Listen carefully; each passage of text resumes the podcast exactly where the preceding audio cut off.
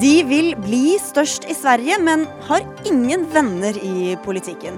Nå har en av Sverigedemokratenes mest sentrale politikere tatt pause i valgkampen og kommet hit til Arendal og til Dagsnytt 18. Nå er det nok, sier Hadia Tajik, og går ut mot private helsetjenester. Men er det private virkelig verre enn det offentlige? Og sikkerhet står på agendaen. Vi skal diskutere klimaendringer som sikkerhetsrisiko, og få besøk av PST-sjefen.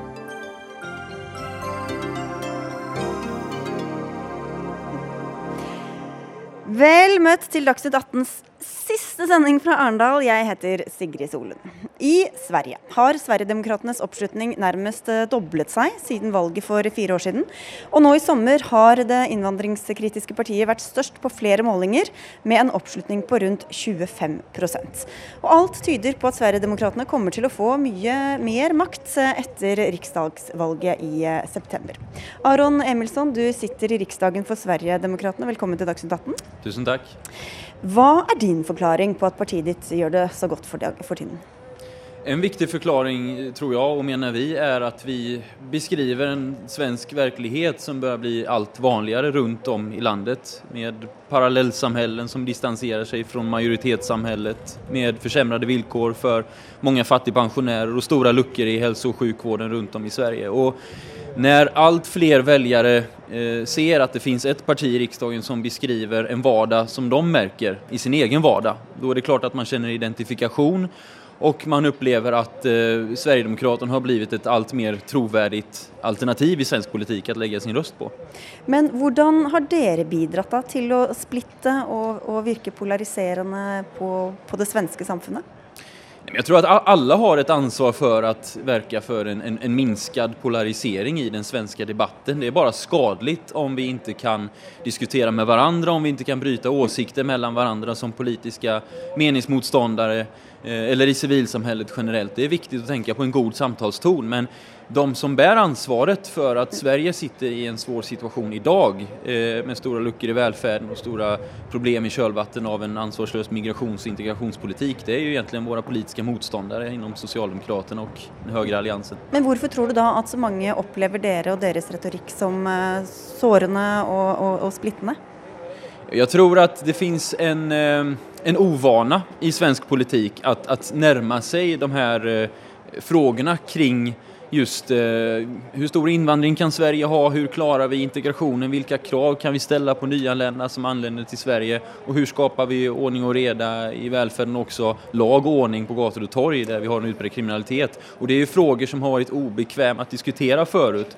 Och när man då talar på ett ganska ærlig, rakt og åpent sett kring det, da kan det skape en känsla av polarisering. säkert. Men dere har jo da profilert dere um, som innvandringsmotstandere. Hva er det som er så problematisk med innvandring?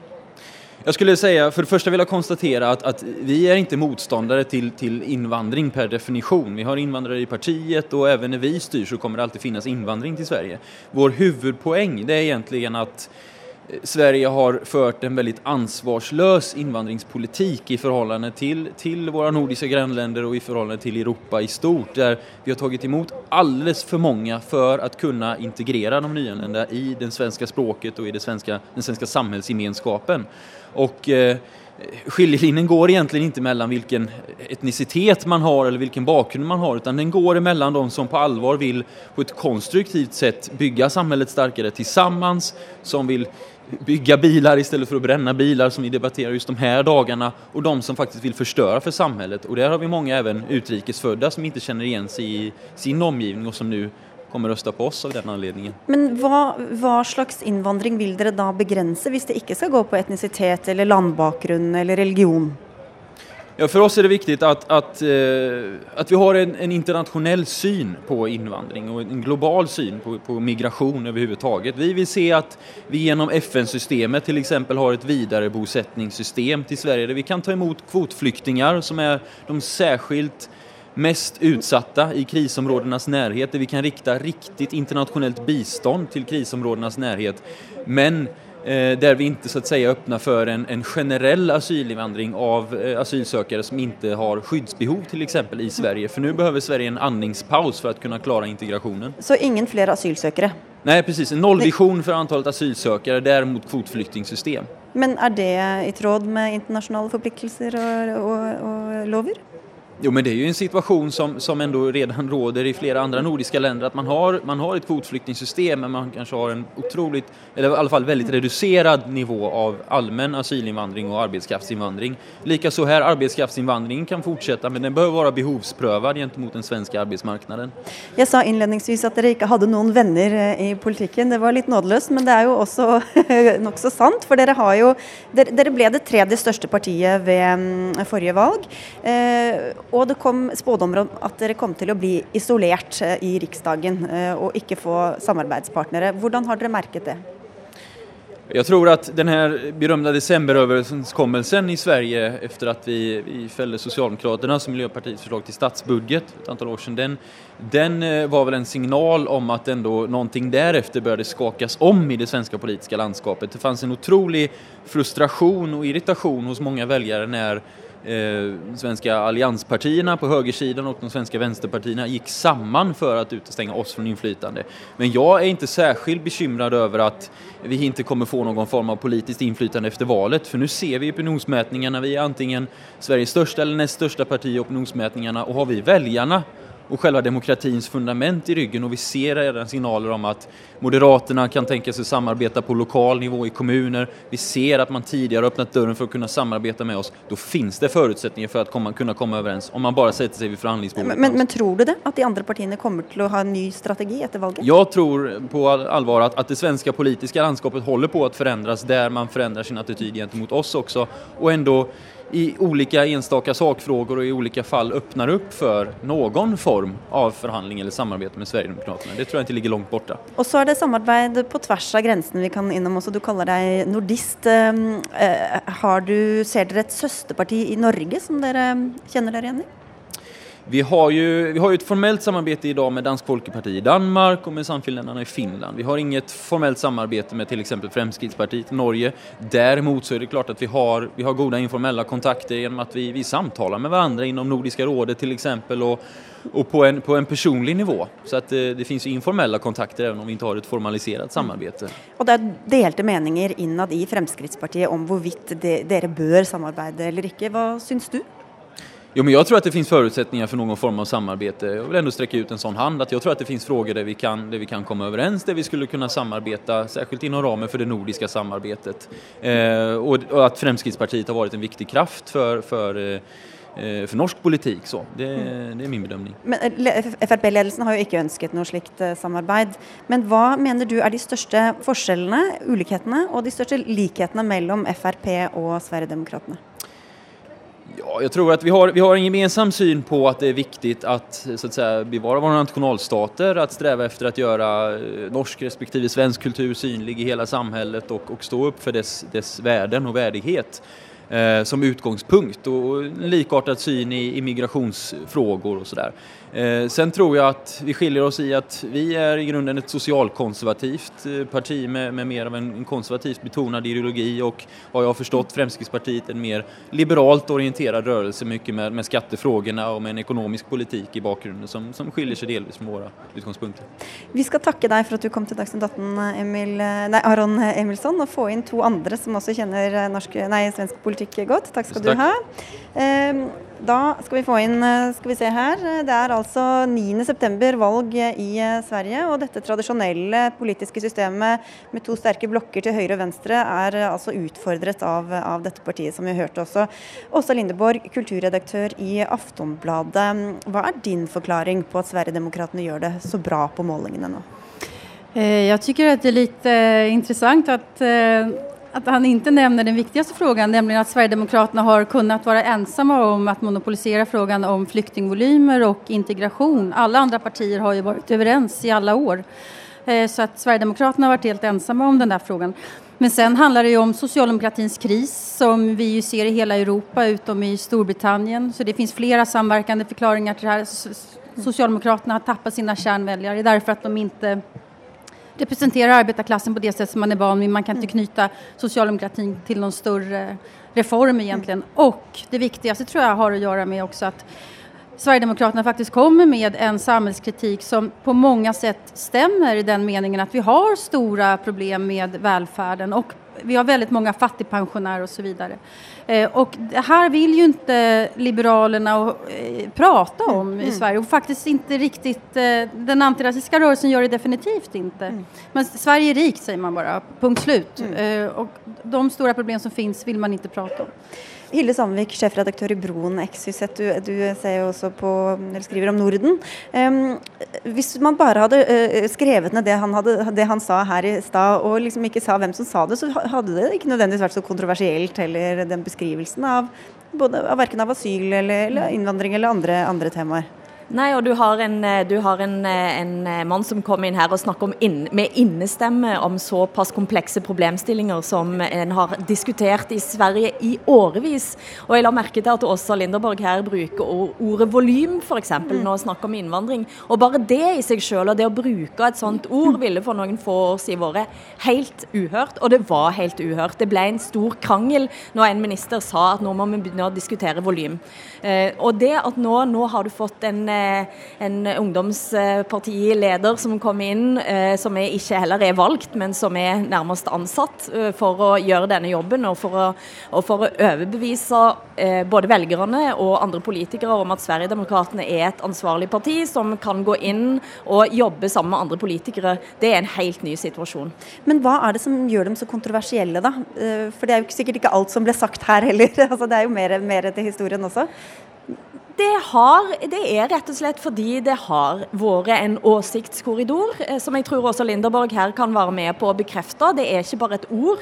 Det har vært vanskelig å snakke om betente problemstillinger, fordi Moderaterne og Sosialdemokraterne har vært helt enige om at stor innvandring er bra til Sverige. Og det er den saken som er, som er virkelig den store brennbare saken òg, og helt konkret brennbar mm. når du vet at det brenner 80 biler i, i Gøteborg. Eh, i løpet av en natt. Og Hvordan har det blitt brukt også av Sverigedemokraterna? Altså, det som gjør at Sverigedemokraterna er kontroversielle, det er at det fra begynnelsen er et, et nynazistiskt parti og det skiljer seg fra, fra Dansk Folkeparti og fra Fremskrittspartiet på den punkten. De har en historie som inget annet högerpopulistiskt parti har faktisk. Og, og det duk, dukker opp saker og, og, og, de har for, alltså en, Vi har en talmann i Sverige fra Sverigedemokraterna som, som ifrågasätter om judar er svenskar og så der. Så det er litt spesielt. Det, det skal være kontroversielt. Det skal være det. Eh, sen utnyttjar de ju bilbränder och sådär och det, det, är, det är ju så med Sverige att, att eh, integrationen är väldigt komplex. Det finns bilbränder, det finns enorma problem i många av de här förorterna som, där den antirasistiska rörelsen har varit fullständigt faktaresistent, man vill inte prata om det. Å andra sidan så fungerar integrationen bättre än vad, vad Sverigedemokraterna påstår också. Eh, det är fler invandrade män som har arbete i Sverige än i EU i genomsnitt eller i OECD-länderna. Så där, det funkar faktiskt mycket bättre än, än vad medierna påstår och än vad Sverigedemokraterna påstår. Men det är bilbränderna som vi pratar om. Men det er jo interessant allikevel, fordi at når en trekker fram den, eh, de nazistiske røttene som Sverigedemokraterna helt åpenbart har I sommer så har de jo gjort òg en jobb med å ta opp det bildet. Mm. Eh, noe av det som har vært med å prege den svenske valgkampen, er særlig to filmer. Den ene som heter 'A Swedish Elephant', eh, som tar opp eh, altså den elefanten i rommet man ikke skal tale om, eh, med en eh, elefant med en knutensnabel eh, som, som, bilde. Det andre er Sverigedemokraternes egen film, som tar opp sosialdemokratiets forhold til rasebiologi, f.eks. Mm. og der en dreiv helt fram til 70-tallet med med, med sterilisering. Eh, så det er en sånn Sverigedemokraterna har svart med, med å vise da, en to timer lang dokumentar om det. Den ble plukka ned fra YouTube gang etter gang etter gang, før han da altså ble spredt og spredt og spredt, og, og er blitt vist overalt. Jeg, jeg spurte om Fremskrittspartiet. De har jo verken ønsket å samarbeide eller sammenligne seg heller med. Sverigedemokraterna. Men er det pga. disse røttene, eller er det politikken som er så veldig annerledes? Det er begge deler. Altså, eh, nå var dere jo innom allerede det for en liten stund siden at eh, Fremskrittspartiet er et liberalt parti, har iallfall hatt en liberal økonomisk politikk. Eh, men samtidig så ser en jo òg nå at partiene nærmer seg. Jeg tror òg at deler av Fremskrittspartiet har vært ikke særlig glad med å bli sammenligna med deler av eh, Sverigedemokraterna. Det kan plutselig over natta bli en annen situasjon. Og Lindeborg, du nevnte også før sending her at et sånt intervju det hadde, vært, det hadde vært sjelden kost i, i Sverige? Det, det, har ju varit så att eh, Sverigedemokraterna har varit utestängda från det. Alltså det har funnits en åsiktskorridor som jag själv har bidragit till, absolut. Eh, där man, de får inte vara med. Alltså, vi hade en Pride-festival till exempel förra veckan. Alla partiledare fick vara med utom Sverigedemokraterna. Och jag tycker det är tråkigt för jag tycker det är jätte, jätteintressant att höra Sverigedemokraterna prata om transsexuella frågor och sådana mycket, mycket komplicerade saker. Så det det, är mycket som vi inte vet om det här partiet därför att de inte får prata och det, det är naturligtvis ett problem. Men vad som är, som är så intressant med Sverigedemokraterna det är ju att de tar väldigt många arbetarröster men de har en ekonomisk politik som nästan är till höger om Moderaternas politik. Alltså det är en nyliberal ekonomi som de står för som skulle slå väldigt, väldigt hårt mot deras eh, egna väljargrupper. Men det här är ingenting som kommer fram i debatten riktigt. Därför att det är en ekonomisk politik som, som eh, de liberala medierna själva står bakom. Mm. Så att det blir väldigt svårt i Sverige att prata om Sverigedemokraterna därför att de ekonomiskt står med det liberala etablissemanget mm. i ekonomiska frågor. Så, så det... eh, men har en människosyn som, som eh, alla demokrater och humanister liksom ifrågasätter samtidigt. Så de har eh, medierna mot sig eh, och som vi nevnte, ingen som vil samarbeide dem, med dem. Nå, nå, trodde han at det kunne endre seg etter valget. Tror ja? Og, og det viser seg jo, altså det at Sverigedemokraterna nå har endra seg, det har jo òg ført til at en har fått en, en ny motstand fra Høyre. Sant, som kanskje høyre, den høyresida av Sverigedemokraterna, eller den mer mørkere sida, har nå formet forma sitt eget parti, altså Alternativ for Sverige, eh, etter mønster fra FDE i Tyskland, eh, som allerede ligger faktisk 2% oppe på meningsmålingene. og det, det er jo substansielt offisielle tall. Og nå er det noen uker igjen, så vi får se hvilken vei det blåser. Takk skal dere ha begge to, Åsa Lindeborg og Hilde Sandvik. Det er altså valg i Sverige 9.9.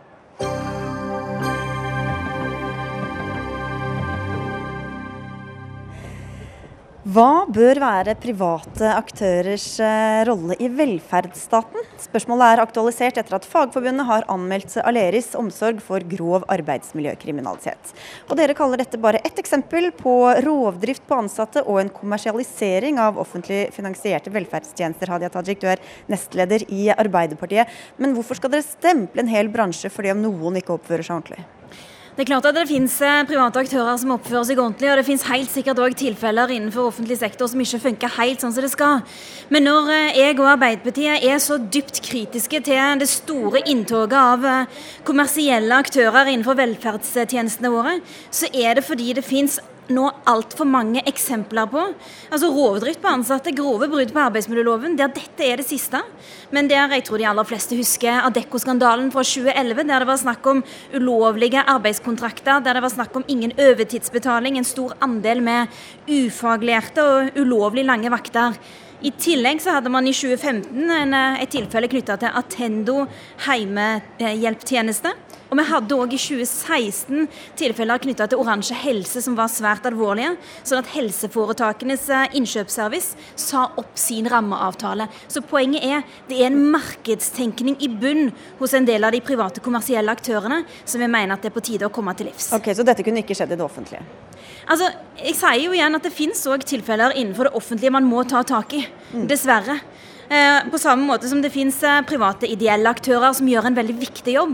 Men jeg finner meg ikke i at denne måten å tenke marked, utbytte, butikk på det som er grunnleggende viktige tjenester for folks velferd, og gjerne folk som er i en sårbar og vanskelig situasjon, at det skal være det som dominerer. Det gjør det nå under Høyre og Fremskrittspartiet. Ja, Vi skal først til deg, Ole Erik Almli. Du er viseadministrerende direktør i, eh, i, NHO. Og det var en direktør i NHO Service, Anne Cecilie Kaltenborn, som sa at denne Aleris-saken er en enkeltsak. Men uh, Hadia Tajik hadde noe ganske mange andre eksempler også?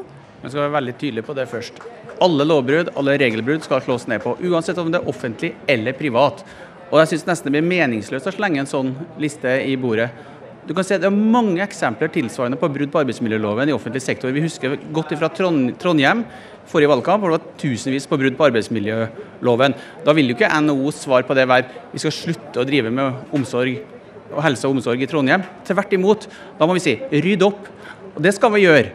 Men jeg syns det er ganske leit det som skjer, for jeg syns man svartmaler en hel næring av oppegående, flinke folk som jobber dag og natt for å sikre at brukere får gode tilbud. Og det finnes ikke belegg overhodet. Det finnes ikke belegg for at det er flere lovbrudd, flere regelbrudd i privat sektor. Tvert imot. Der har man lavere sykefravær, stor arbeidstilfredshet, og man har veldig mange fornøyde brukere. Så jeg syns det blir en svartmaling, og jeg syns det er synd. For jeg syns debatten burde dreie seg om hvordan skal vi klare å løse utfordringene som er skissert bl.a. i Næringslivets perspektivmelding i dag. Og vi kommer til å trenge alle hender, alle varme hender, i å løse velferdsoppgaven i årene framover. Og da er det både private og offentlige. Alle hoder pleier de å ønske å legge til de som jobber der. det er litt for enkelt å si at her må man bare rydde opp. Det er klart, Vi vil jo alle at eh, når det har funnet sted eh, ulovligheter, så blir det fiksa. Men så er jo spørsmålet hvilke virkemidler har man for å påvirke utviklingen? Og Vi i Arbeiderpartiet for eksempel, mener jo at det er på tide at man stiller de samme kravene til de private aktørene innenfor eh, velferdstjenestene som det man gjør, inn, gjør overfor de offentlige aktørene. F.eks. så eh, kan man i dag ikke stille de samme kravene knytta til f.eks. kvalitet, eller åpningstider, eller kompetanse, eller antall ansatte. F.eks. når det gjelder private barnehageaktører, sammenligna med det man kan overfor offentlige. Så jeg mener jo det at når man yter den type tjeneste til folk, til folks hverdag, så må òg det offentlige kunne stille noen tydeligere krav til kvalitet. Det er da man rydder opp. Jo, men det stilles krav til kvalitet. Og det vi må være mest opptatt av, er hvordan er brukerne fornøyd? Jo, de er fornøyd. De er fornøyd med tilbudene. Og veldig veldig mange av de ansatte er fornøyd. Og det er ikke sånn at det er ingen vettu, oppegående driver som behandler ansatte dårlig. Det er lønnsomt å behandle ansatte godt. Derfor så viste Fafo-rapporten som nylig ble kjent nå, at sykefraværet er lavere hos private tilbydere som tilbyr tjenester innenfor renhold og sykehjem. Det er det god business i. Jeg tror det var en fin overgang til deg, LO-leder Hans Christian Gabrielsen. Denne saken som dere nå, eller Fagforbundet har, har anmeldt, hva mener du at den illustrerer eh, i et større perspektiv? Jeg mener eh, den eh, peker på noe helt sånn fundamentalt i, i hvorfor kampen for velferdsstaten er viktig, i stort. For det det handler om, er jo det grunnleggende spørsmålet trygghet, tillit og tillit til at velferdsstaten er der for deg når du har behov. Trygghet for at tjenestene leveres eh, når du blir syk eller når eh, den unge oppvoksende er på, i skolegang. Og trygghet for at de ansatte også som jobber i disse tjenestene har skikkelige lønns- og arbeidsvilkår. det er det dette grunnleggende handler om. Men de, de eh, medlemmene ikke... dere har i de private, har de det fælt på jobb, eller? Nei, altså Det er klart at det er som Hadia sier, det er private ideelle aktører som eh, gjør en viktig jobb i, også innenfor det offentlige. Men vi er tilbake til det grunnleggende. Hva er det som skal være det offentliges ansvar, og hva skal være det privates ansvar? Og uh, Ole Erik eh, nevner nettopp perspektivmeldinga som NHO eh, presenterte i dag. Veldig gode analyser og utfordringer for eh, framtida. Og jeg mener jo helt ærlig at det representerer en direkte trussel mot verdiskapinga og innovasjonskraften i privat sektor om vi skal kanalisere altså privat kapital til investeringer i virksomhet som i dag drives av det offentlige. Vi må jo virkelig konsentrere oss om å investere i nye næringer i Norge. Og da er det jo meningsløst at vi skal drive og bytte fra offentlig til privat eh, med utbytte og profitt. Så helt uavhengig av denne saken, så er, du, så er du mot private i helsevesenet? Nei, poenget er at det blir jo ikke én en eneste ny arbeidsplass av det. Handelsbalansen med utlandet blir jo overhodet ikke forbedra. Det må jo være mye bedre at vi bruker energien, økonomien og ikke minst kapitalen som NHO etterlyser, til å investere i nye produktive næringer.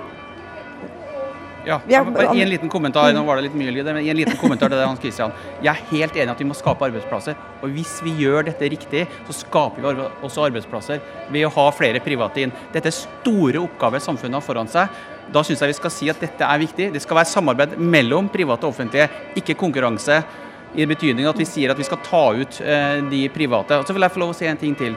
Vi må si fra denne debatten at er du ansatt i privat, private tilbydere private selskaper som tilbyr helse og omsorg, så er du like mye verd som du er ansatt i offentlig sektor. Det må vi si. Jeg må også bare si at Aleris eh, ikke ønska å være med. Det er kanskje greit å, å rydde og få med det også. Um, men Ketil Solvik-Olsen, du er nestleder i Frp. Det, du er jo også samferdselsminister, men dette er ikke helt ditt bord eh, sånn sett. Men uh, nok er nok, sier Hadia Tajik. Men er det nok for deg med denne saken? Jeg syns dette blir en veldig rar debatt. fordi at Vi er enige alle fire her om at kampen for velferdssamfunnet det ligger til grunn her. Men det betyr ikke at det kun er staten som skal kunne levere tjenestene. Det, det, ble sagt her at hvem skal ha ansvar for hva? De private skal ikke ha ansvar for velferden. Men private kan være med å levere tjenester inn til staten, sånn at vi leverer gode omsorgstjenester til alle, uavhengig om det er private eller kommunalt ansatte. Det å lage det rare skillet med at fordi at du jobber i staten, så skal vi gi deg handlingsrom til å kunne forbedre ting, men jobber du privat, så skal du bare ut. Det gir ingen mening. Tvert imot så burde vi se på at når de private aktørene kommer som supplement til det offentlige, og opplever at de kundene, om de trenger omsorg eller om det er barnehage, er mer fornøyd med det private enn det de fikk fra det offentlige, og i tillegg at en ser at det gjerne er en profitt hos de som leverer det, hva er det signalet om? Jo, de leverer bedre tjenester for en lavere pris. Det er jo nettopp fordi de har gjort innovasjon. Det betyr at vi kunne fått mer velferd for pengene om det offentlige hadde lært av de private. Jeg mener jo vi må bruke de anledningene til å lære og kopiere, framfor å forby og fjerne. Så disse sakene som nevnes, det har, kan ikke forklares med at det er privat og at det er profittjakt osv.? Altså, igjen, hadde det, vært sånn at, hadde det vært sånn at private aktører gjennomførte eller leverte dårligere tilbud som folk ikke var fornøyd med, forsøkt å få høyere pris enn det offentlige for tjenestene, og i tillegg hadde vesentlig mer med problemer med arbeidslivssaker enn det offentlige, så hadde jeg forstått kritikken. Men det er jo ikke tilfellet. Som samferdselsminister så har jeg vært opptatt av at vi skal bekjempe arbeidslivskriminalitet, uavhengig om det er offentlige eller, eller, private selskap. Derfor har vi opprettet en krimenhet. Derfor har vi sørget for at tilsynet jobber bedre på sammen. Skatt, eh, helse, arbeidstilsyn og Vegdirektoratet i dette tilfellet. Sånn at Det er jo den kampen vi må gjøre, uavhengig av hvem som er arbeidsgiver, istedenfor å lage det til en ideologisk kamp mot private. Tajik. La oss ikke være naive her. Kommersielle aktører ønsker å drive butikk. Og det er en ærlig sak å drive butikk og ønske profitt. Men jeg mener jo at det å drive butikk og ønske profitt på velferd ikke er en tenkning som vi bør slippe helt løs innenfor eh, f.eks. helse- og omsorgstjenestene våre. Der må vi sette noen grenser. Fordi hvis du skal drive med profittvirksomhet på velferd, det er ikke så mye du kan drive profitt på. Fordi den største utgiften, det er menneskene som jobber der. Men hvis, da, hvis de ansatte er fornøyd, og hvis brukeren er fornøyd, hva er da problemet? Det er ikke riktig å tegne det bildet som her blir tegna. Det er dessverre gjentatte, systematiske eksempler på at det blir drevet rovdrift på ansatte i en rekke kommersielle virksomheter som driver innenfor velferdstjenestene. Og Grunnen til at dette kommer under press, er jo at nettopp når folkene som jobber der, er hovedutgiften til arbeidsgiver, så er det det man kan kutte ned på. Enten ved at du har færre ansatte, eller ved at du har mindre kompetente ansatte, eller ved at de har dårligere lønns- og arbeidsvilkår. Og denne markedstenkningen, det er den jeg mener at vi må komme til livs, for den har ingenting innenfor velferden vår å gjøre. Nei, men Dette er jo fullstendig feil, men det viser jo hvorfor Arbeiderpartiet aldri har klart å fornye norsk offentlig sektor. Fordi at en tror at uavhengig av hvordan du organiserer en bedrift, så får du samme resultat. Den eneste måten å få måte, redusert kostnadene, det er å kutte i lønn.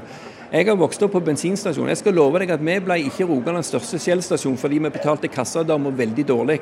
Vi gjorde det fordi at vi nettopp organiserte bedriften godt. Ivaretok de som eh, betalte lønna vår, nemlig kundene. Og Det er jo det vi òg ser at private barnehager, en del helse- og omsorgsinstitusjoner, de er mye mer fokusert nettopp på kundene sine. Sørger for at de bruker ressursene mer målrettet, har kortere linje mellom ledelse og ansatte. Det er jo òg det vi har sett innenfor transportbransjen. at de gode bedriftene er ikke de som kutter kostnader på sikkerhet. De gode bedriftene er de som klarer å omstille seg raskt, som leverer et bedre tilbud. Så dette er, ikke, dette er ikke en aksept fra vår side om at en ikke skal bry seg om lover og regler. Okay. Bare det å sammenligne bensinstasjon med velferdstjenestene våre viser òg at han ikke har forstått problemet her. Okay, da, da Frp gikk inn i regjering, så fikk de inn i regjeringserklæringen at produksjon av velferdstjenester skiller seg lite fra andre tjenester. Altså Det er en likhet mellom det å selge vaskemaskiner og ta vare på eldre. Det er bare meddele at der er vi helt uenige. Men hva, hva er det, Det er- Jo, men det er en fundamental men, men er dere også imot uh, private barnehager, f.eks.?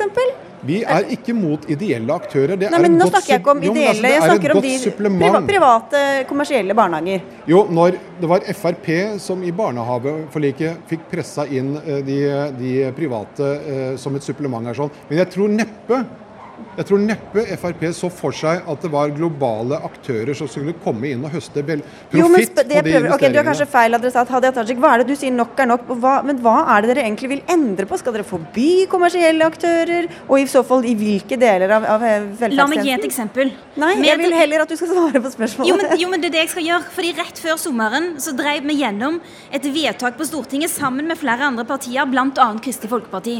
Det handler om barnevern, for der ser man at det har vært stadig flere kommersielle aktører som har slått seg opp på noen av- de aller svakeste ungene i samfunnet vårt. Og det, med, det det vedtaket går ut på, er at vi sier at nå vil vi at det skal være ideelle aktører som får mer plass. I dag utgjør de 20% av tilbudet innenfor barnevern. Eh, Innen 2040 så skal de utgjøre 40% av eh, tilbudet knytta til barnevern. Og det skal være de kommersielle aktørene som blir fasa ut. Okay, så, altså det, ikke så, de så dere går sektorvis eh, til, til skritt altså, eh, Der hvor de har hatt eh, dårlige eksempler? Det så kan skal være én måte å gjøre det på, og det illustrerer at det går an å jobbe systematisk for å få kontrollen tilbake. Sektor for sektor. Men det er ikke riktig at det er flere brudd på lover og regler i privat, eh, privat sektor. Overhodet ikke. Det er færre brudd. Og nå må vi slutte å si dette, for her er det mange flinke aktører som gjør jobben sin. Og jeg er helt enig med Solvik-Olsen. Her jobber man godt sammen med ansatte, lager gode tilbud, brukerne er fornøyd. Man til og med gjør det til en pris som gjør at man kan spare noen penger og bruke penger på andre ting i kommunesektoren. Så dette er feil. Og så vil jeg si en ting til. Vi trenger alle varme hender. Både private og offentlige, når vi skal løse oppgavene i årene som kommer, ikke færre. Men er det så vilt å tenke seg at noen liksom, øh, som tross alt skal tjene penger, også tar andre vurderinger enn det offentlige, som får pengene uansett? Du må gjenta spørsmålet. Nei, ja, men, altså, men, men, men det er jo ingen av oss som sier at de private skal sugerør inn i dette, at de uansett skal få et oppdrag. Men når vi ser altså at der de private leverer tjenester, så er det jevnt over for de bedre score enn de, de tilsvarende offentlige. Og de tar altså en lavere pris. Da burde jo vi kopiert det og lært av det, for da hadde vi fått mer velferd for pengene. Det, det, det som Arbeiderpartiet her foreslår, er jo velferdsdestruksjon. De mener at vi skal ikke lære av de som driver bedre, fordi at de er private. Hvis vi skulle brukt logikken til Arbeiderpartiet, så burde vi jo skrinlagt hele eh, kommunetjenesten i Trøndelag i, no, i, no, i Trondheim i noen år. Av utstillingsvindu til Arbeiderpartiet og LO, som viser seg at det var massive brudd på stort sett alt som fantes av lover og regler. Vi må gå etter alle som bryter lover og regler, offentlig og privat, istedenfor å lage det til en kru- eh, så hvor, hvordan er det du tror de klarer å hente ut profitt? Jo, det er bl.a. på lønns- og arbeidsvilkår. Og, Nei, jo, men hør, jo, men hør meg nå. Men det Vet du Erik- det? Vet- hør nå. Erik- Hvis du tror at det Erik- Ja, men nå må du konkrete- avbryte Solvik-Olsen. Nei, men Erik vet du det? Vet du det du sier nå? Har du, Erik- har du Er Ja, men hør, nå, hør nå hva Erik Sandøy sjøl sier, direktøren i Aleris. Han sier innenfor psykisk omsorg så har bruk av selvstendig næringsdrivende konsulenter vært den vanlige modeller i bransjen. Og det er vi helt enig i. Det har vært den vanlige modellen. Og hva betyr det når de er selvstendige konsulenter? Jo, det betyr at de er selvstendige, de er ikke ansatt. De slipper å betale arbeidsgiveravgift, yrkesskadeforsikring. De, altså de har 30% lavere kostnader. Og den profitten som skal gå, jo, skal gå til trygge øh, arbeidsplasser, den hentes ut av jo, men du svarte ikke. Du svarte ikke. Har dere statistikk konserner. på at de som, de som jobber i det private, tjener dårligere, har dårligere pensjonsvilkår, har dårligere, dårligere men det er ikke riktig, og det er heller ikke Jo, riktig. det er riktig. Og Hans Christian, andelen selvstendig næringsdrivende er vel minimal. Så dette er ikke riktig. Og, jeg, og vi må se at det er mange måter til å få, ned, få opp lønnsomheten på, som går på det samarbeidet med ansatte, lavere sykefravær. Det er lønnsomt Men med har lavere dere, har dere statistikk på at de tjener like bra og har like gode vilkår? det er, eller er det, er det det lønns, lønns- og arbeidsvilkår, så er det noenlunde akkurat det samme. Nei, det er har vi ikke tall på. Jo, det har vi tall på. Det pensjon blant annet, så det er jo akkurat her man henter inn og kan tilby lavere anbud. Dette vet dere. Vi får ringe? Faktisk ennå her. Ok, vi nærmer oss slutten. Altså, poenget er jo at alle skal forholde seg til de samme lover og regler som gjelder. Hvis noen bryter de uavhengig av privat eller offentlig, så, så skal det komme en reaksjon. Men når vi faktisk ser at de klarer å organisere arbeidsdagen sin bedre, så burde vi applaudere dem og ikke, ikke kritisere dem. Og det vi jo har sett, det er at selv når fagforeningsmedlemmer til LO-systemet sier at vi vil organisere eldretilbudet vårt annerledes, for vi kan gi det bedre, men vi jobber gjerne litt lengre dager noe. Jeg må, bare, jeg må bare gjøre oppmerksom på Ketil Solvik-Olsen, at det er andre krav til åpenhet hos de offentlige aktørene enn det det er hos de private kommersielle aktørene. Du trekker fram at men, det finnes mange brudd innenfor offentlige, altså offentlige tilbydere innenfor velferdstjenester. Ja. Men faktum er at mange av de private kommersielle aktørene de sier at de bruddene som finnes hos de, det er bedriftshemmeligheter. Det vil svekke konkurransedyktigheten Nei. deres. Folk får ikke vite om det. Vi må avslutte her. Eh, Solvik-Olsen, du skal jo få bli stående jeg, til neste debatt. Jeg er ganske debatt, sikker på at hvis lovmyndigheten kommer og sier at her mistenker vi brudd på lovverket, så hadde de fått tilgang på akkurat det de ville. Det argumentet ditt er ikke gyldig når du snakker om straffebrudd. Og du skal få bli stående, Ketil Solvik-Olsen. Vi må takke av dere tre andre. Hadia Tajik fra Arbeiderpartiet, Hans Christian Gabrielsen, LO-sjef, og Ole Erik Almli fra NHO.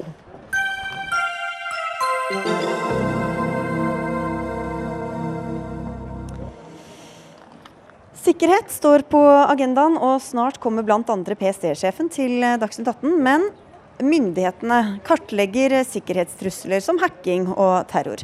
Men kan vi sikres mot alle trusler bare ved hjelp av bedre forsvar og god etterretning, eller hva skjer dersom vi år etter år får eh, en sånn ekstremsommer som det vi har vært vitne til i år, eller ekstremregn, som også kan bli konsekvenser av klimaendringene?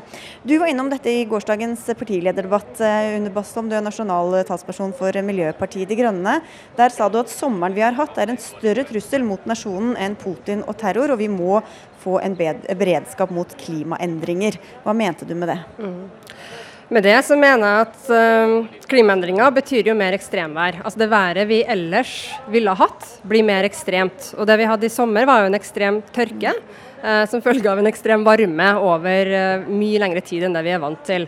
Uh, bønder i Norge har jo for så vidt sett det her over flere over ti år nå, i hvert fall. men vi har tidligere sett det mer i form av ekstrem nedbør. Så både ekstrem tørke og ekstrem nedbør på, eh, andre, eh, på andre tidspunkt enn ellers, og generelt mer nedbør, gjør det vanskeligere for bønder å produsere på en forutsigbar måte. Det er jo det ene. Det andre er jo at eh, flom påvirker jo veinett, eh, påvirker også matproduksjon. Når vi har ekstrem tørke, så har vi som i år fått lite vann i vannmagasinene. Så det er helt åpenbart at grunnleggende infrastruktur vil bli påvirka av klimaendringene. Men altså ikke minst nå har vi jo sett det i form av mattryggheten. Mm. Og det tenker jeg kanskje er det aller mest alvorlige, fordi maten er noe av det viktigste vi har som nasjon. Vi har ikke vært vant til å tenke på den som en sikkerhetstrussel, fordi det har gått av seg sjøl tidligere. Men klimaendringene påvirker altså grunnleggende produksjon av mat i samfunnet vårt. Da, men hva har det med sikkerhet å gjøre? Nei, Med sikkerhet så har det jo å gjøre at det er jo en trussel mot vår trygghet. Eh, som nasjon, ja. Eh, men også generelt, altså for, for, at vi skal ha gode liv. Men eh, som sikkerhetstrussel eh, så er det beste eksempelet kanskje i den situasjonen som vi kan regne med framover. Eh, at når Norge får en dårligere avlinger, så vil vi også ha dårligere avlinger ellers i Europa. Og Da, må, da begynner kornproduksjonen i verden. og markedet for korn, tror jeg, å bli storpolitikk. Russland sitter i dag på i underkant av en femtedel av korneksporten i verden. Og hva gjør Putin når så mange land i verden samtidig etterspør deres korn? og de kan velge hvem de vil selge det kornet til. Da er det ikke lenger snakk om et marked hvor vi kan kjøpe oss ut av det. Det vil være utenrikspolitikk, hvem som får det kornet. Da fikk vi forklaringen. Eh, fortsatt eh, nestleder i Fremskrittspartiet, Ketil Solvik-Olsen. Eh, er du enig i at klimaendringene også kan være en trussel mot nasjonen når det gjelder sikkerhet? Diskusjonen som går på sikkerhet og beredskap handler jo veldig ofte om å sikre våre interesser mot andre makters eller andre gruppers ønske om å påføre oss usikkerhet eller overta makt. Derfor er det naturlig at vi i den sammenheng ofte diskuterer forsvar, eh, politi, den type ting. Og Der gjør regjeringen en veldig god jobb. Det er mye som gjenstår. Men eh, det har stor eh, fokus og stort eh, engasjement fra forsvarsminister, utenriksminister og statsminister bl.a. Ja, men I, I de eksemplene som ble brukt, så er det jo òg viktig at vi da jobber med alliansepolitikken vår. Sånn at vi i en global, urolig verden har venner som kan være med å beskytte oss, men òg hvis krisa rammer oss, kan få hjelp.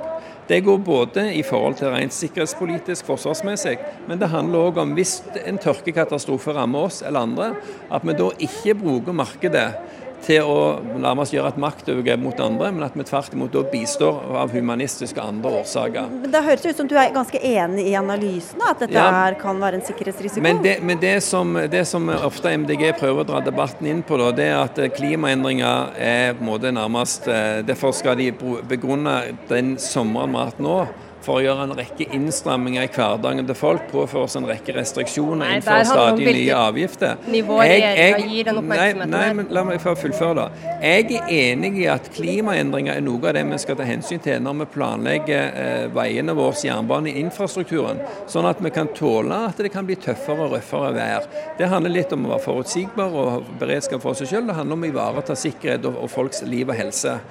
Sånn at Hvis det er den delen vi diskuterer, hvordan får vi en mer robust, eller hvordan ivaretar vi dette når vi gjør nye investeringer og vedlikeholder det vi har, så er vi helt enige. og Det er allerede en del av regjeringens politikk når vi bygger nytt og når vi vedlikeholder. Og så har dere et felles mål. altså Utslippene skal ned og vi skal ha bedre infrastruktur. Hvilken rolle spiller man kaller et sikkerhetstiltak eller ikke, Bastholm? Norge er fortsatt en klimasink i Europa. Så hvis du ser på utviklinga siden 1990, så har jo resten av Europa kutta utslippene med 20% Vi har økt dem. Eh, det er ganske alvorlig eh, når Norge i tillegg eksportere et produkt jo, jo. som skaper men, men, klimautslipp. Men, men spørsmålet er hvorfor, hvorfor, det er viktig å kalle det å, å liksom sette det Det handler om oppmerksomheten man gir. Altså, Sivilforsvaret er jo allerede ut når det er sånn type skogbranner sånn som vi hadde i sommer. Så Der angår allerede hvordan f.eks. For Forsvaret er organisert. Eh, det jeg savner aller mest, er jo at man i en sånn sommer som vi hadde i år, at et eller annet medlem av regjeringa går ut og sier folkens, det vi ser nå, er klimaendringer. Det er dypt alvorlig. Vi må endre innsatsen radikalt for å unngå at dette blir verre. Og vi må ut og hjelpe norske bønder, sikre at vi har en spredt landbruksproduksjon som er basert på norske ressurser, sånn at vi vet at vi har en mat på bordet i årene framover. Og ingen har gått ut og sagt det. Ja, nå fikk, du, fikk du replikken din. Eh, stille latt det skli unna, og ikke engang vil gi bøndene eh, pakker for å kunne hjelpe til i krisa. For, for, det første, når det gjelder sikkerhet og beredskap og det ivaretas for de klimaendringene som skjer, så er det vært en del av politikken hele veien. Når du får de spesielle katastrofesituasjoner, lignende situasjoner som har vært nå i forhold til landbruket, så har jo landbruket landbruksministeren vært veldig klar på ballen. Både i forhold til at vi kommer til å betale ut mer penger, en milliard kroner mer enn det som en hadde tenkt. Liksom og, i, og, i, og, i, tillegg så kan du se i, i avisutklippene f.eks. hjemme fra, fra, mitt fylke Rogaland, at nå er det òg høy på vei inn til landet fra andre land. Men det som jo egentlig MDG prøver å gjemme inn i denne debatten, det er jo med en gang CO2-utslipp. Det er jo det som egentlig er grunnlaget for den diskusjonen. Da kan dere like godt bare være ærlige på det. Men da mener jeg òg at da er det ingen grunn til at vi plutselig nå skal komme med noen krisetiltak. For hvis du ser på den statistikken som kom ut så sent som i dag, fra, i fjor til, fra 2016 til 2017 så har altså utslippene fra veitransporten gått ned med nesten 10 prosentpoeng. På ett år utslippsreduksjon 10% Det vitner jo om at vi allerede fører en politikk som òg går på å være føre var i forhold til CO2-utslippene. Det, det, er mye å si om den statistikken, bl.a. om palmeolje på tanken osv., som vi ikke trenger å gå inn på her. Men, Nei, men, men, men bare fordi liksom, En ting er jo å ta det uh, når det dukker opp. ikke sant? Sånn som i sommer så får man, så får bøndene penger osv. Men dette med mer tørke, mer regn, altså generelt mer ekstremvær, er jo det forskerne har sagt i mange mange år at, at kommer til å skje. Og hvor godt har dere og tidligere regjeringer for den saks skyld tatt innover dere den også i det sikkerhetsaspektet når man har utført den politikken? Altså, nå kjenner ikke jeg de interne diskusjonene i tidligere regjering, men jeg vet at det òg har vært på tapetet. Det er ingen grunn til å tro de ikke brydde seg. Men jeg kan si at under vår regjering, så nettopp når vi dimensjonerer nye veianlegg, nye jernbaneanlegg, når du ser på kraftnettet, så er de perspektivene med oppjusterte forventninger på hva ekstremvær som kan ramme oss, de er tatt med. Derfor koster det mer å bygge en vei i dag enn det gjorde for både 10, og 50 og 100 år siden. Nettopp fordi den er føre var. Men igjen, diskusjonen her blir jo, som MDG hele veien prøver å dra opp i det skjulte, det er jo hvor, strenge tiltak skal du gjøre for å kutte CO2-utslippene. Og Det er jo der jeg viste at der har vi gjort veldig mye. Vi har altså fått resultatene, selv om programlederen heller ikke ville diskutere innholdet i dem. Nei, det var ikke det. det, var vi har en, vi har en vesentlig økt satsing 40 milliarder kroner mer har vi brukt på jernbanen i våre fire og siste år enn årene før. En, altså, folk kommer fra fjern og nær for å se på vår elbilpolitikk. Norsk industri er blant den verdensledende i eh, verden på lavutslipp. Ok, veldig, veldig kort. Ja, jeg må jo si, sånn Selv om vi ikke skal diskutere det nå, da, skjønner jeg, så må jeg si at vi kan ikke feire de utslippskuttene vi har på tall nå i Norge, før vi vet at de ikke fører til mer utslipp i utlandet. Det er det palme, eh, palmedrivstoff, palmeolje i drivstoffdiskusjonen handler om. Så vi må vite at vi, når vi kutter utslipp i Norge, at det ikke gjør det verre ved at vi tar av regnskog. Det ene. Men det er helt sant at klimaendringer, ja, det er en ny type trussel. Fienden er oss selv.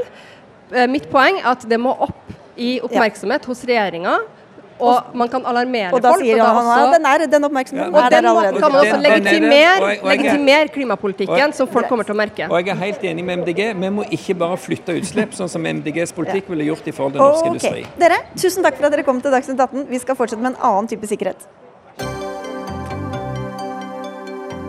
Hør Dagsnytt 18 når du vil. Radio NRK Radio.nrk.no.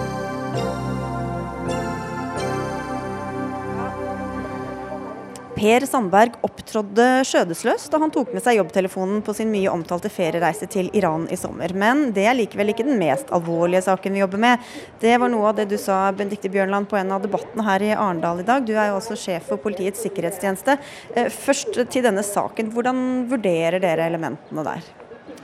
Eh, hvordan vi vurderer. Ja, så Hva er det dere er opptatt av i denne Sandberg-saken? Ja, altså Vi har uh, fått telefonen for å gjøre våre undersøkelser for å se om vi kan finne ut om telefonen er kompromittert. Om den har vært gjenstand for hacking. Nå har jeg oppfattet uh, Sandberg dit hen at han hadde med telefonen både til Kina og deretter et par måneder etterpå til Iran.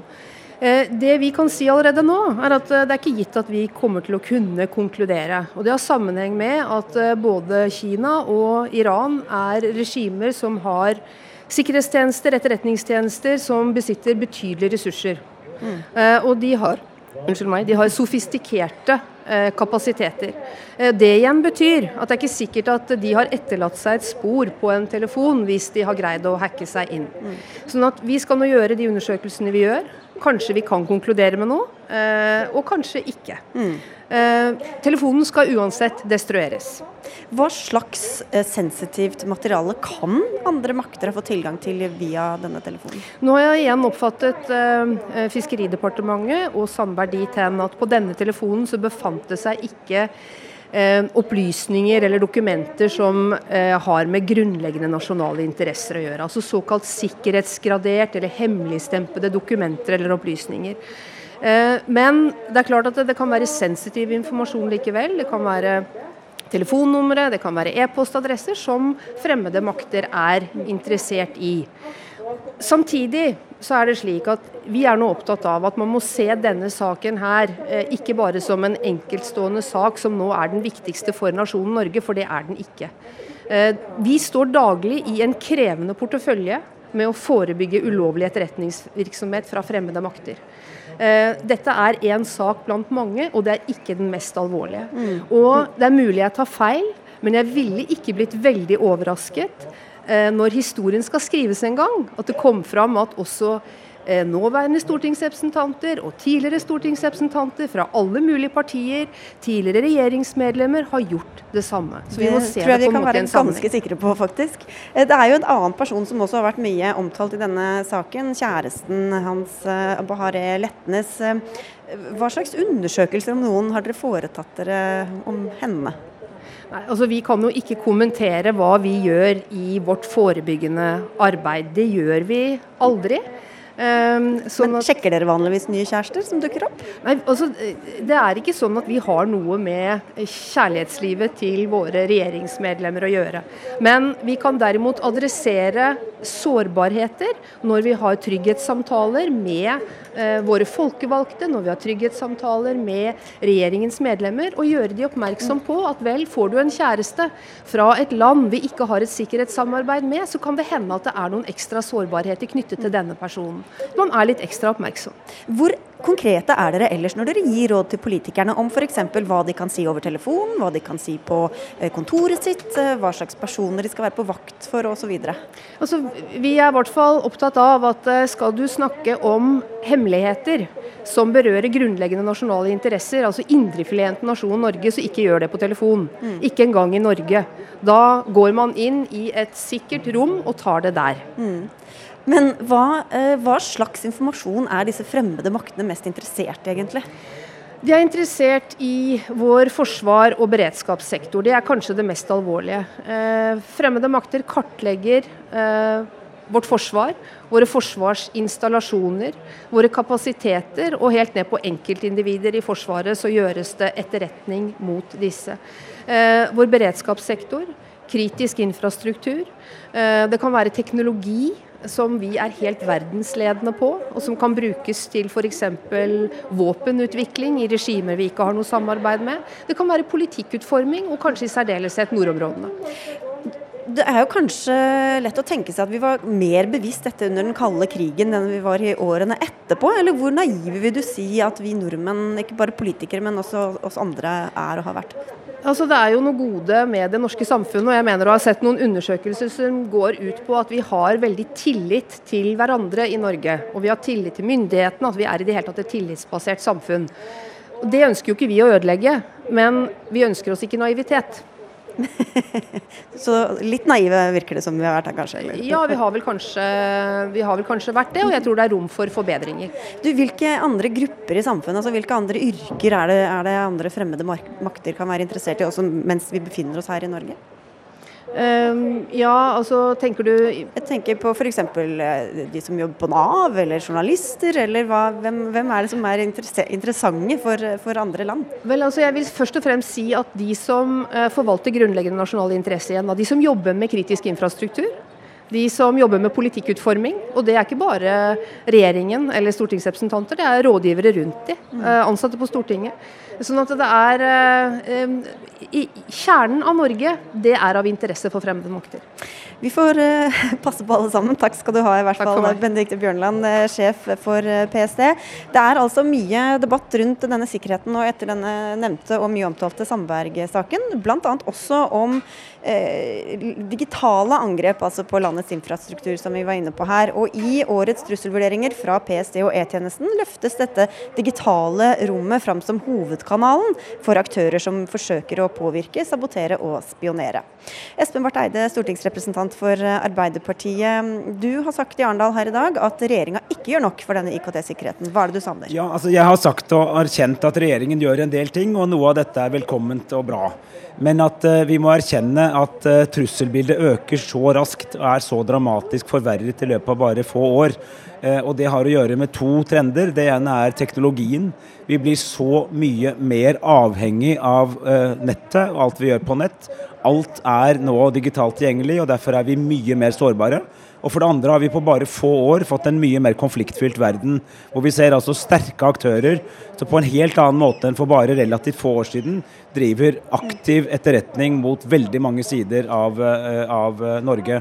Og jeg mener at i forhold til det trusselbildet, eh, så ligger vi langt bak. Og det, jeg er ikke så opptatt av å si at regjeringer ikke får det til, jeg er mer opptatt av å si at vi må sammen gjøre mye mer. Og det gjelder offentlige myndigheter, det gjelder også private aktører.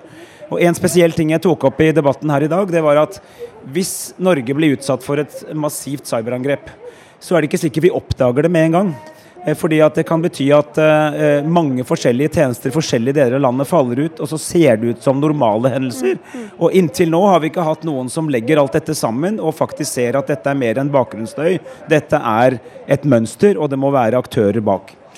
Sveinung Rotevatn, du er statssekretær i Justis- og beredskapsdepartementet. Gjør dere nok, da? Nok er det vel aldri, vil du vel si? Men, uh... Ja, det var egentlig det jeg hadde tenkt å si. Uh, og uh, Det er jo opposisjonens privilegium å mene at en ikke gjør nok.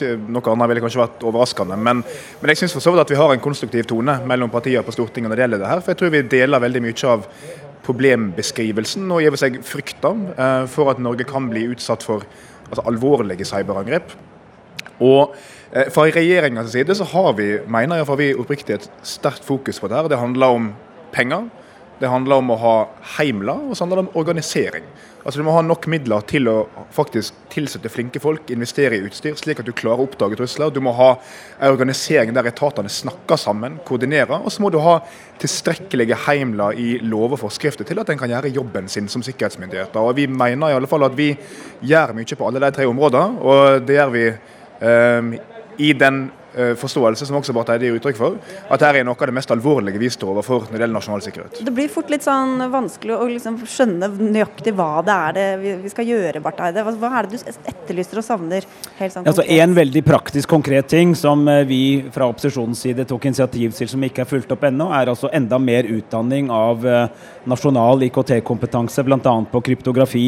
For det er rett og slett vanskelig å få tak i godt utdannede kryptografer som også er klarerbare. Altså Det er nok av utlendinger, men du må også ha folk du faktisk kan bruke i de aller mest sensitive norske sammenhengene. Det er en praktisk ting.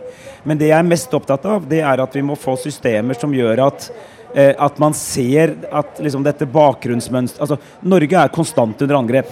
Det er en stor forskjell fra før. fordi de, Da vi tenkte enten fred eller krig, så var det jo sånn at eh, hvis bombeflyene kom eller stridsvognene rullet over grensen, så visste vi jo at nå var vi over i krig.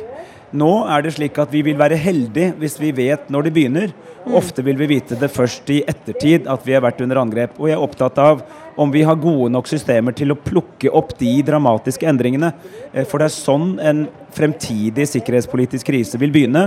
Den begynner ikke i det tradisjonelle militære sfæren. Det kan begynne med at uh, vannforsyning og strømforsyning slutter å virke. Ja, det kan den, det er riktig. Men uh det vi gjør, og som er konkret, og som er å følge opp mye av det Stortinget ønsker å gjøre. F.eks. i høst skal vi etablere et nasjonalt cybersikkerhetssenter, der de ulike etatene kommer til å jobbe sammen under ledelse av NSM, Nasjonal sikkerhetsmyndighet, som vi tror kommer til å være en viktig satsing. Eh, det er blitt løyvet en halv milliard til at en nå kan utvide og modernisere det som heter VDI, altså varslingssystem for digital infrastruktur. Det er mye forkortelser i den sfæren her. Eh, men det er jo i praksis at du på kritisk objekt, kritisk infrastruktur, har system som kan oppdage dersom det skjer inntrengninger, at det blir varsla om, og du kan håndtere det. Eh, Benedicte Bjørnland sa her i stad at vi kanskje har vært litt naive i Norge. Er dere enig i det? At vi ikke har eh, ligget nok i forkant eh, og sett farene her? Jeg, altså jeg, vil i hvert fall ikke si at han har vært naive, fordi det har vært en bevissthet rundt det her. Men det jeg vil si at jeg tror det er viktig å øke bevisstheten ikke bare hos offentlige myndigheter og nasjonale sikkerhetsmyndigheter, men hos befolkninga som sådan, og ikke minst hos næringslivet. Fordi at Næringslivet er også utsatt for cyberangrep. og Vi vet jo at det finnes bedrifter som eh, blir utsatt for inntrengning. Eh, men som ikke nødvendigvis ønsker å si det til noen. For det er jo litt sånn flaut, ikke sant? Vi har jo hatt ganske store saker som har kommet offentligheten Ja, vi har jo hatt Helse Sør-Øst-saken f.eks. som har vært alvorlig. Så vi håndterer ting. Ja, og så er det masse mørketall, fordi at uh, en rekke bedrifter, forståelig nok kan man si, har ikke ønsket å gå ut med at de har vært under angrep. Mm. Og Det kan man forstå fra bedriftsledelsens side, men det betyr også at storsamfunnet ikke har hele bildet. og Det tror jeg man skal gjøre noe med. At man skal få mer bevissthet om at man faktisk må erkjenne at det var svakheter, det var mulig å trenge inn, møte dem, at andre kan lære av det. Og så er det også fortsatt slik at det er f.eks. Helse Sør-Øst har erfaringer som andre statlige etater kunne bruke fra det angrepet som kom på dem. Men uh, så vidt jeg forstår det, opplever de at man ikke har full adgang til å dele dette selv internt i staten. Så er det ganske mye å ta tak i. Og det som er det sentrale poenget her, som samtlige nordiske sikkerhetstjenestesjefer sa i dag, er at jo da, bevisstheten øker, men trusselen øker mye mer. Mm. Så det er liksom forholdet mellom trussel og tiltak som er altfor dårlig i forhold til hvor hvor sensitiv vi nå er i forhold til disse tingene. Og så er det én ting til, og det er altså outsourcing. Det er når man altså setter ut helt sentrale tjenester hvor du får direkte adgang til opplysninger om enkeltmennesker, f.eks. i helse, til operatører i, i India, mm. så er det altså av åpenbare årsaker vanskeligere å klarere dem. Ja, for, for bedrifter, ja. Mm. Ja, Det kan vel ikke du styre, Sveinung Rotevatn? Altså, outsourcing er en stor diskusjon. og jeg tror vi må skille litt mellom det som er kritisk infrastruktur og det som er si, vanlig næringsliv. og I en del tilfeller så kan det jo være bra for sikkerheten at bedrifter faktisk benytter seg av ordentlig kompetanse i stedet for å forsøke å stelle noe til sjøl. Men eh, det kommer litt an på hva de driver med, hvor dypt de skal gå inn i det. og Vi har nå en ny sikkerhetslov på plass. Eh, Heimler blir utarbeidet og informasjon blir delt, og det er bra, for da får vi beskytte oss bedre mot de som ønsker men, oss vondt. Men jeg har lyst til å si, da, da, denne regjeringen tiltrådte, så hadde vi hatt en brutal erfaring få år før i Norge. alle var enige om at det var mye man skulle gjøre. Erna Solberg og regjeringen sa at nå skulle liksom alt løses. I forhold til eh, hvor høye og mørke de var da, så syns jeg ikke de har levert spesielt imponerende. Oi, nå snek du deg til et angrep som ikke Rotevatn rekker å svare på, fordi Dagsnytt 18 er dessverre slutt. Jeg må bare si PST-sjefen sa jo også at ganske mange tidligere regjerings- eller i hvert fall stortingsmedlemmer nok hadde gjort det samme som Per Sandberg. Har dere det, eller? At vi Har gjort det samme, tatt med telefonen steder dere ikke skulle? jeg, jeg har jo jobbet med disse tingene, så jeg kan i hvert fall si at jeg er veldig bevisst på å følge rådene, men jeg, jeg skjønner hva hun sier. Takk skal dere ha. Det var siste sending fra Arendal for Dagsnytt 18. Dag Dørum, Frode Thorshaug og jeg takker for følget. Takk skal dere ha.